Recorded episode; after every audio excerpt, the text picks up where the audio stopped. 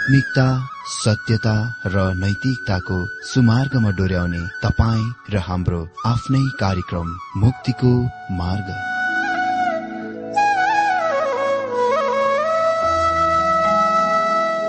आदरणीय श्रोता यस मुक्तिको मार्ग कार्यक्रममा हार्दिक स्वागत छ। आशा छ यस आत्मिक कार्यक्रमद्वारा जीवनमा आत्मिक आशिष अलौकिक शान्ति र आनन्द प्राप्त गर्नुहुनेछ। र जीवनमा धन्य अनुभव गर्नुहुनेछ। आउनुहोस् श्रोता मन र आत्माको तयारीको लागि यो मिठो अनि मधुर भजन गीत सुनौ।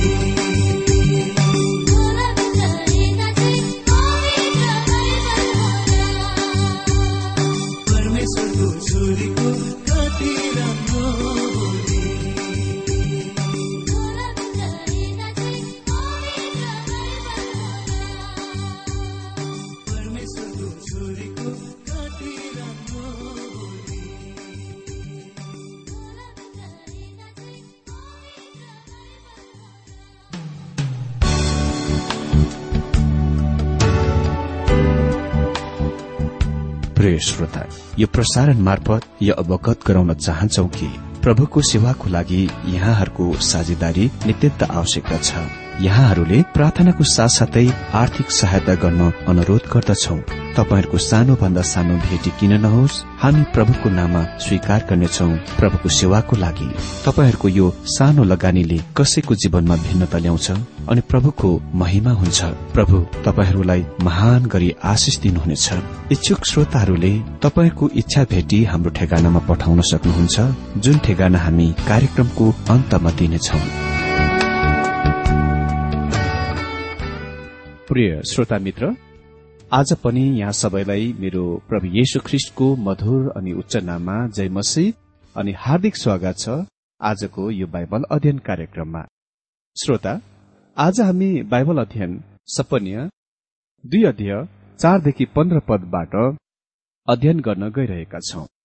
यहाँ हामी देख्छौ परमेश्वर अहिले राष्ट्रमाथि आफ्नो दण्ड शुरू गर्नुहुन्छ। दुई अध्यय चार पदमा लेखिएको छ गाजा निर्जन हुनेछ र अस्कोलन भग्नावशेष भएर छोडिनेछ। मध्य दिनमा अस्तोद खाली पारिनेछ र एक्रोन चाहिँ उखेलिनेछ। यहाँ उल्लेखित चार स्थानहरू पलिस्तिनका चार सहरहरू हुन् जुन दण्डित हुन गइरहेको छ। कसैले भन्दा उहाँले किन गाको उल्लेख गर्नु भएन?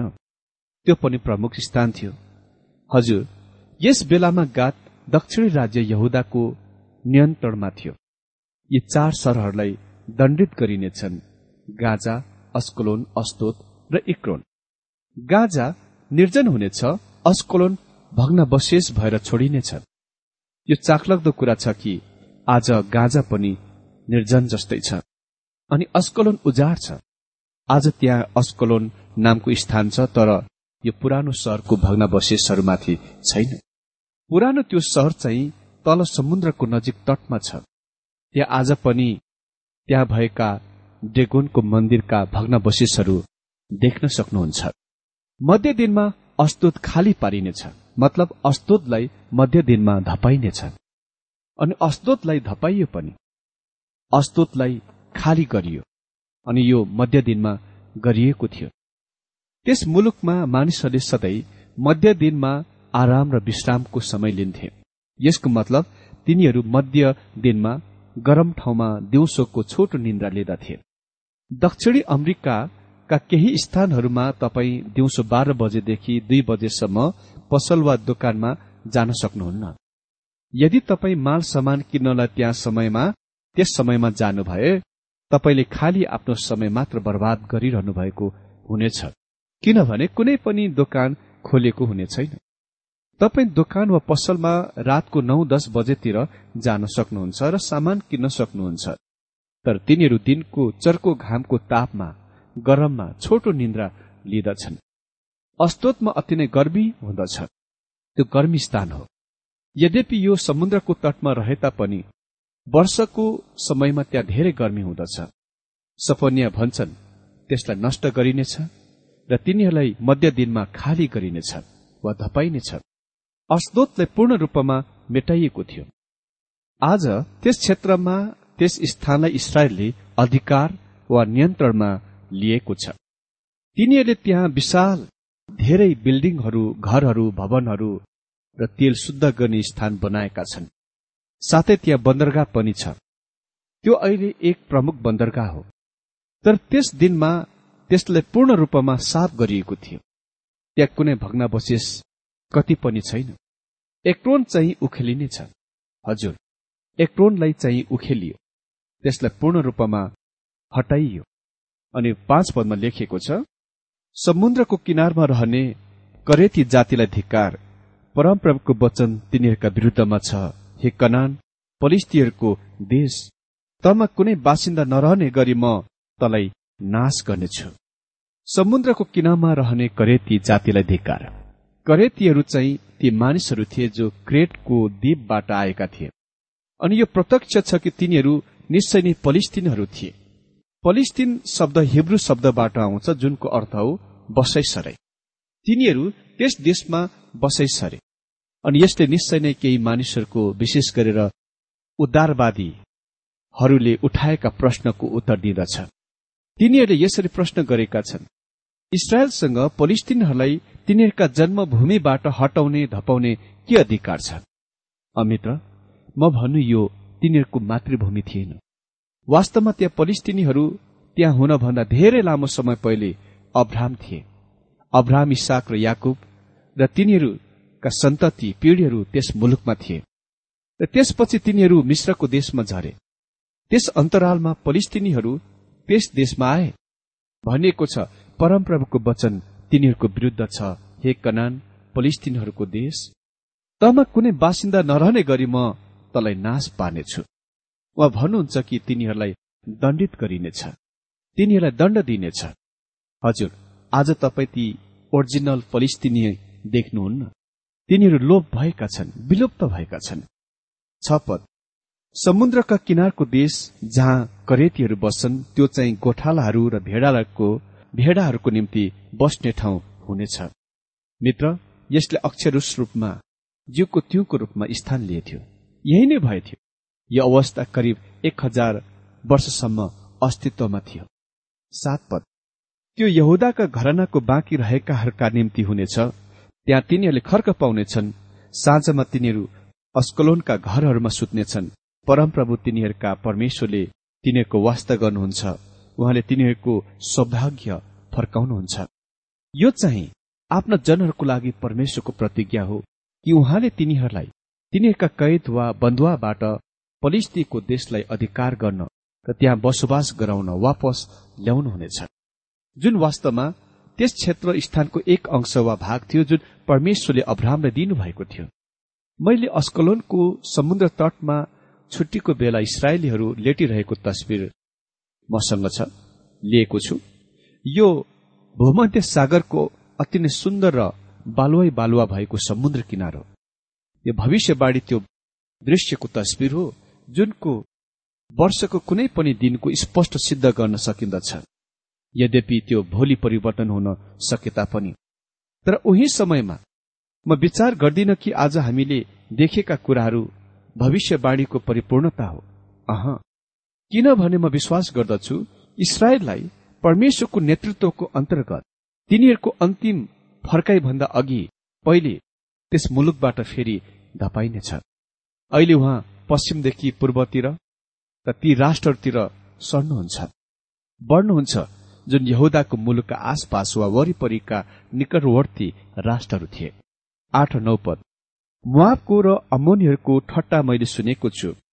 जसले मेरा प्रजालाई अपमान गरेका छन् र उनीहरूका देशहरूको विरूद्धमा धम्की दिएका छन्।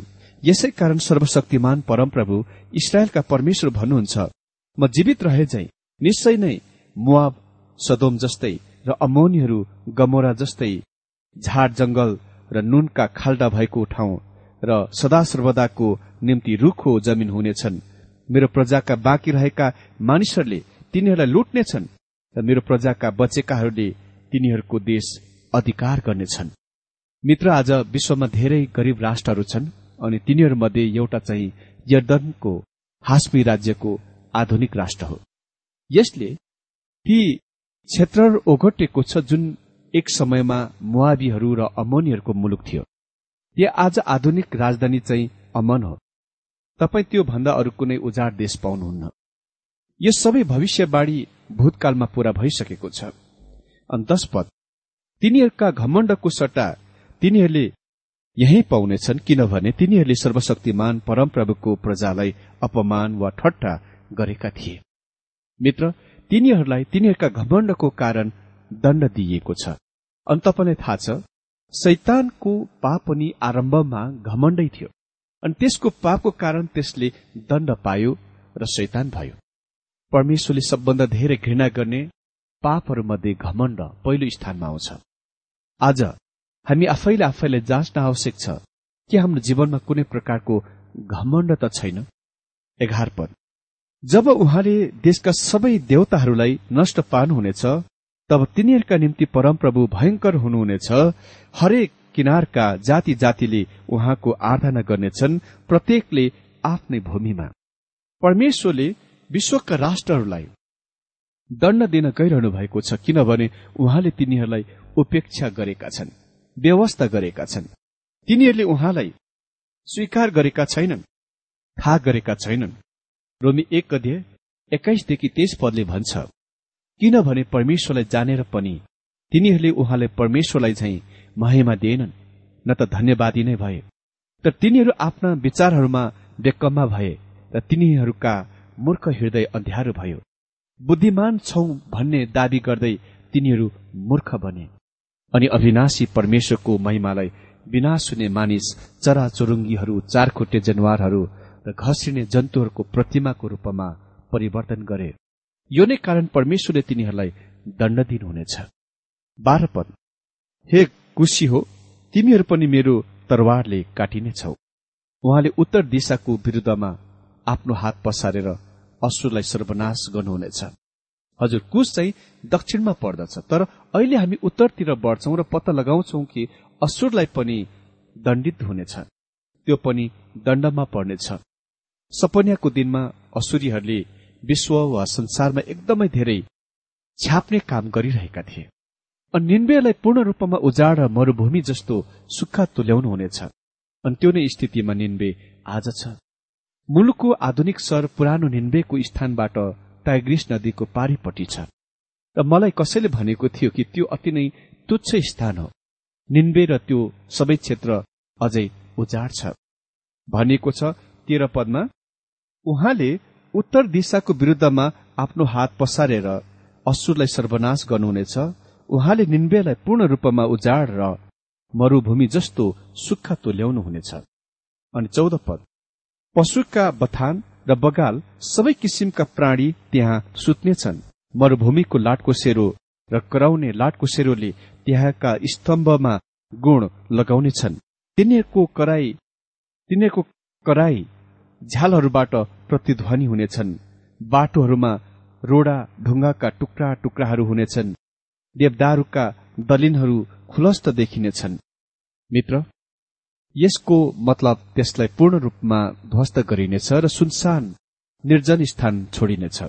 अनि पन्ध्र पदमा लेखिएको छ यो त त्यही सुरक्षित साथ निर्धक्क बस्ने सहर हो जसले आफ्ना हृदयमा भन्दथ्यो म नै हुँ म बाहेक अरू कोही छैन त्यो कस्तो भग्नावशेष भयो। वन पशुहरूको ओडार त्यताबाट भएर जानेहरू सबैले त्यसको गिल्ला गर्दै मुक्का देखाउँछन्।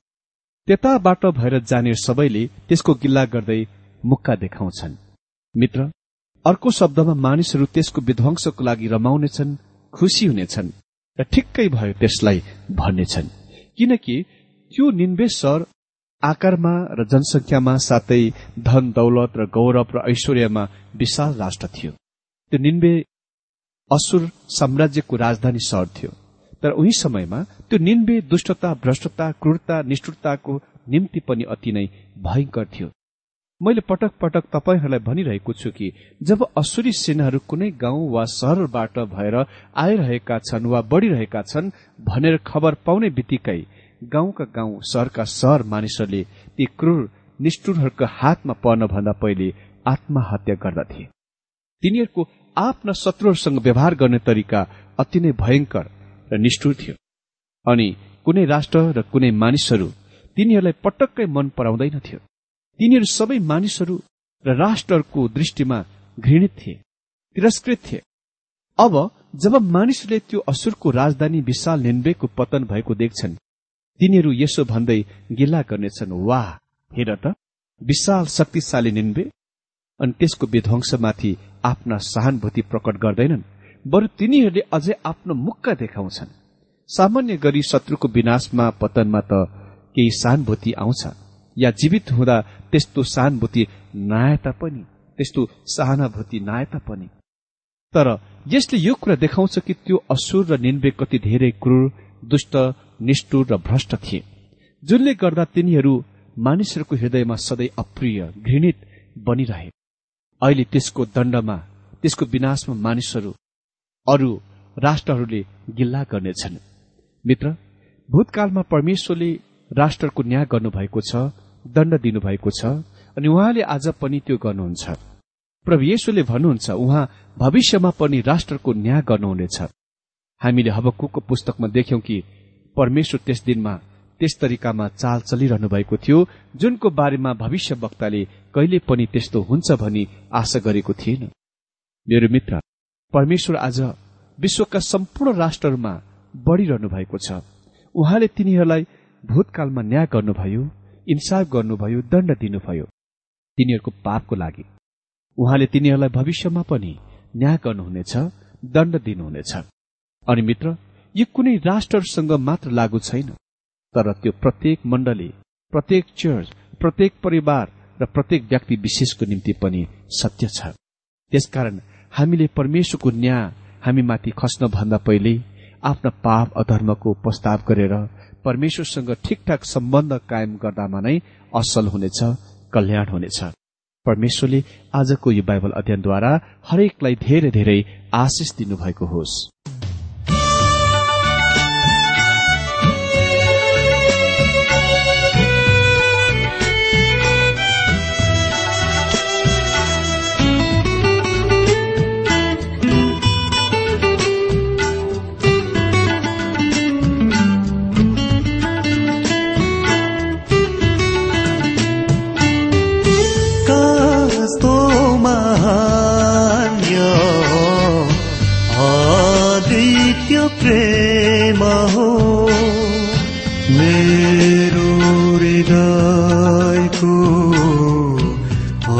अन्तस्करणमा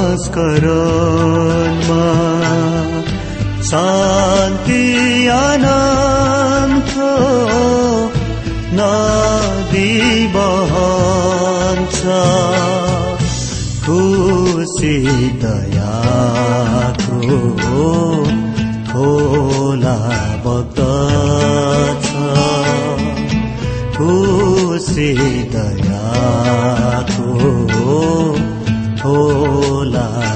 दा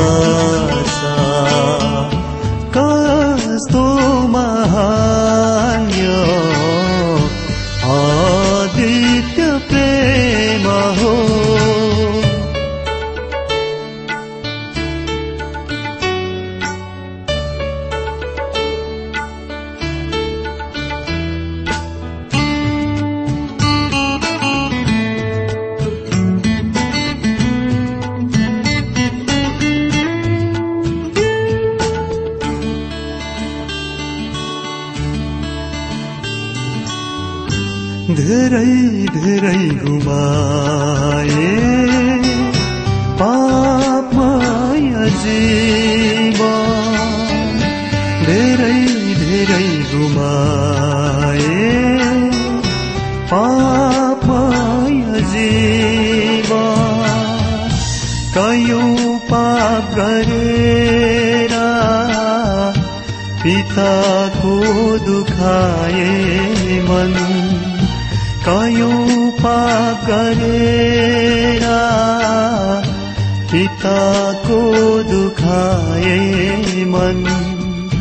पिताको दुखाए मन।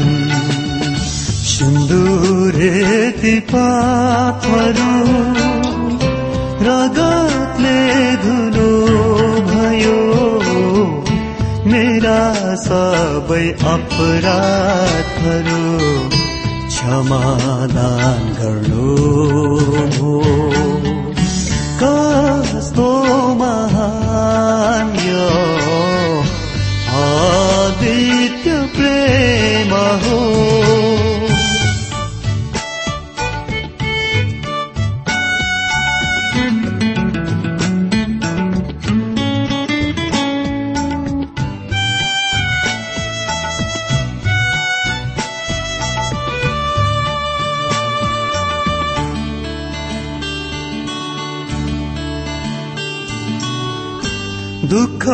वेदनामा विचलित भए। दुःख वेदनामा विचलित भए। परीक्षाको घाडे हतासुदास भए। परीक्षाको घाडे हतासुदास भए हतासुदास भए। सबैबाट तिरस्कृ उपेक्षित बनिदा धार्मिकताको दाहिने हातले मलाई सम्हाल्नु। कस्तो महान आदित्य प्रेम हो। मेरो हृदयको अन्तस्करणमा शान्ति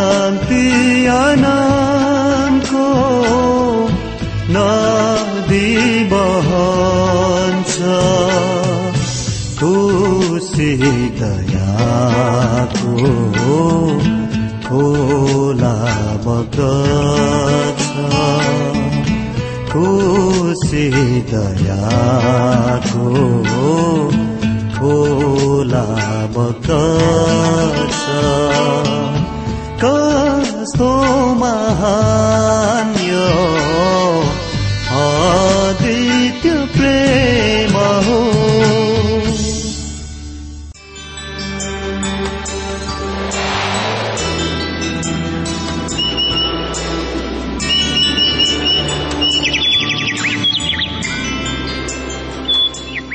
श्रोता अहिले भर्खरै तपाईँले टीडब्ल्यूआर नेपालद्वारा सञ्चालित आत्मिक कार्यक्रम मुक्तिको मार्ग सुनिरहनु भएको थियो। श्रोता आजको यो कार्यक्रम सुनेर तपाईँलाई कस्तो लाग्यो? यदि यो कार्यक्रम सुनेर मनमा कुनै खुल्दुली वा कुनै प्रतिक्रिया अर्थात सुझावहरू छन् भने हामीलाई पत्रद्वारा लेख्न सक्नुहुनेछ।